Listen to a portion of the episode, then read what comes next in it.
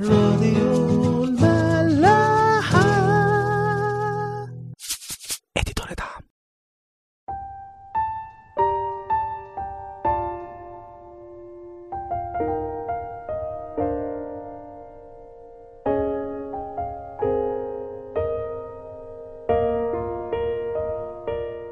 مساء الخير وأهلا بيكم في حلقة جديدة من عيش وملح. خلصنا آخر مرة الاصحاح الثامن من سفر ملوك تاني وكنا وقفنا عند الصداقة اللي بقت ما بين أخازيا ابن يهورام ملك يهوذا ويورام ابن أخاب ملك إسرائيل. وقلنا إن الإصحاح وقف عند كده عشان يبتدي الإصحاح الجديد الإصحاح التاسع ويحكي قصة قائد مهم قوي اسمه ياهو. وياهو ده عشان نفتكر بس هو كان تالت واحد ربنا وصى ايليا إنه يمسحه ملك. في ملوك أول إصحاح 19 لو نفتكر إيليا زعل قوي من اضطهاد إيزابيل ليه اللي هي كانت مرات أخاب والحالة بقى المزرية اللي وصل لها شعب إسرائيل. فساب بقى كل حاجة وراح في الصحراء وربنا واحدة واحدة كده بيكلمه ساعتها وفي آخر كلامه بيقول له يعمل كده بقى في عدد 15 فقال له الرب اذهب راجعا في طريقك إلى برية دمشق وادخل وامسح حزائيل ملكا على أرام. وإحنا كنا شفنا مسح حزائيل ده في الإصحاح اللي فات. وامسح ياهو ابن نمشي ملكا على إسرائيل وامسح أليشع ابن شفاط من آبل محولة نبيا عوضا عنك. أليشع ده اللي هو أليشع النبي اللي إحنا عارفينه. فالذي ينجو من سيف حزائيل يقتله ياهو والذي ينجو من سيف ياهو يقتله أليشع. فهم التلاتة دول زي ما قلنا كده هم زي تلات فلاتر اللي ربنا عينهم عشان يطهر بيهم شعب إسرائيل من الخطية اللي بهدلتهم دي.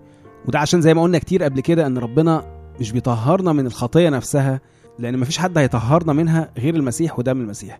أما ده بيبقى تطهير من آثار الخطية في قلوبنا وفي حياتنا.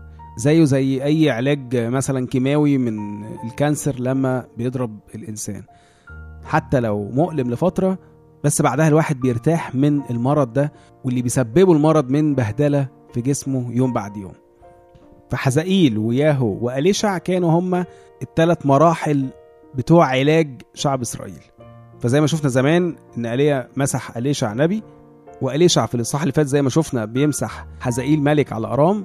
وفي الإصحاح ده هنشوف بقى إليشع هيعمل إيه مع ياهو. خلونا نكمل. ادي دنيا ضخم سفر ملوك تاني الاصحاح التاسع من أول عدد.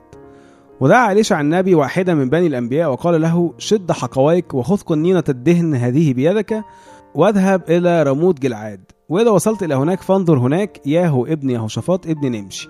وادخل وأقمه من وسط إخوته. وادخل به إلى مخدع داخل مخدع ثم خذ قنينة الدهن وصب على رأسه وقل هكذا قال الرب قد مسحتك ملكا على إسرائيل ثم افتح الباب واهرب ولا تنتظر. وفعلا بقى هو ده اللي بيعمله بالظبط يقول لنا فانطلق الغلام الغلام النبي إلى رموت جلعاد ودخل وإذا قواد الجيش جلوس فقال لي كلام معك يا قائد. فقال ياهو مع من منا كلنا فقال معك أيها القائد. فقام ودخل البيت فصب الدهن على رأسه وقال له هكذا قال الرب إله إسرائيل قد مسحتك ملكا على شعب الرب إسرائيل. فتضرب بيت أخاب سيدك وأنتقم لدماء عبيد الأنبياء ودماء جميع عبيد الرب من يد إيزابيل.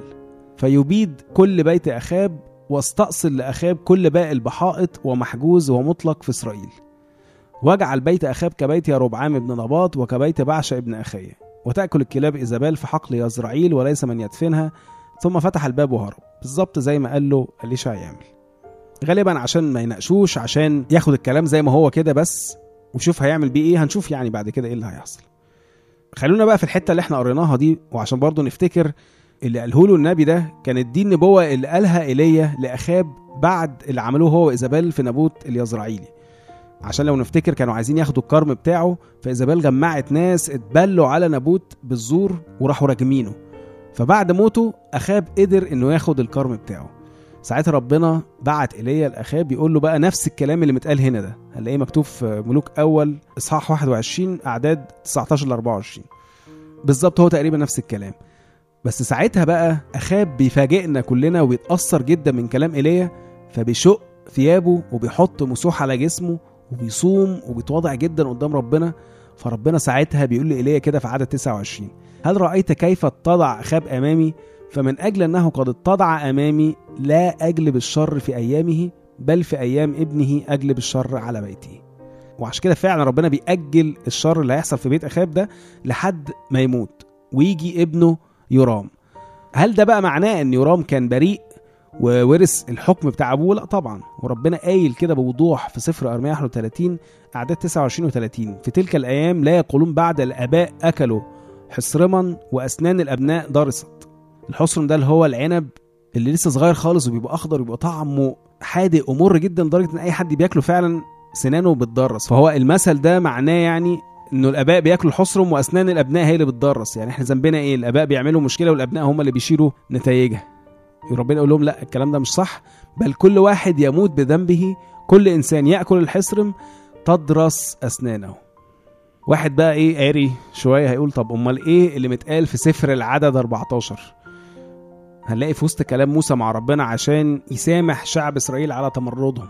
قبل ما يخشوا أرض الميعاد على طول حصل مشكلة كبيرة كده. المهم يعني إن هو في وسط كلام يقول كده في عدد 18 الرب طويل الروح كثير الإحسان يغفر الذنب والسيئة لكنه لا يبرئ.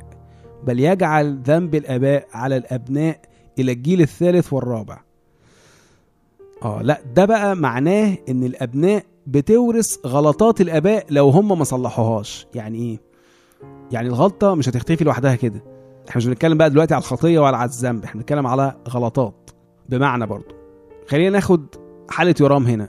أخاب تاب بس هو ورث ابنه عبادة البعل وكمان اللي هو عمله مع نبوت اليزرعيلي فيرام كان في إيده إنه يرجع لربنا يمحي عبادة البعل من إسرائيل ويرجع حق نابوت بأي طريقة بقى. فإذا كان أخاب أكل حصرم فهو ورثه ليرام بس يرام هو اللي أكل الحصرم وعشان كده سنانه هو اللي درست. مش بسبب خطايا أبوه إنما بسبب الغلطات والتربية اللي هو ورثها له. وهنا بقى يجي دورنا كآباء أو كرعاة أو كخدام ايا كان. إننا نفتكر قوي إن اللي بنزرعه في ولادنا النهارده هم هيحصدوه بكرة. لو بذرة كويسة هم هياكلوا ثمرها وهتبقى حياتهم أحسن وطريقهم أسهل لربنا. أما لو زرعنا بذور سيئة أو حتى سيبنا الدنيا كده تزرع زي ما تزرع هيطلع فيهم زرع رديء أو حتى زي ما بنقول كده شيطاني ويبقى عليهم هم إنهم يجاهدوا عشان يقلعوا الزرع الرديء أو الشيطاني ده من جواهم. منهم اللي هيقدر ومنهم اللي هيفشل ويعيش تعيس. افتكر كويس قوي إنك زي ما بتتعب وبتشقى النهارده عشان تضمن لأولادك آه، رصيد في البنك يتمتعوا بيه بعدين ويسهل عليهم حياتهم بدل ما تسيب لهم ديون يتعبوا هم ويشقوا عشان يسددوها. وده كويس ومهم طبعا بس الأهم كمان إنك تسيب لهم رصيد روحي جواهم سواء بقى من محبة ربنا أو من حفظ وصاياه. والرصيد ده يبتدوا بيه حياتهم مع ربنا بدل ما يكونوا بيبتدوا من الصفر أو من تحت الصفر. في تثنية ستة ربنا بيقول كده في أعداد أربعة لتسعة. اسمع يا إسرائيل وممكن يعني كل واحد فينا بقى ياخدها على اسمه هو. اسمع يا فلان الرب إلهنا رب واحد. فتحب الرب إلهك من كل قلبك ومن كل نفسك ومن كل قوتك. ولتكن هذه الكلمات التي أنا أوصيك بها اليوم على قلبك وقصها على أولادك وتكلم بها حين تجلس في بيتك. وحين تمشي في الطريق وحين تنام وحين تقوم.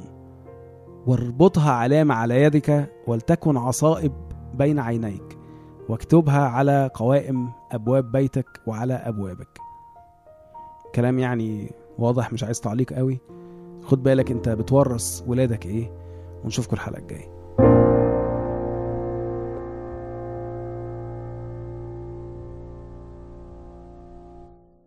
راديو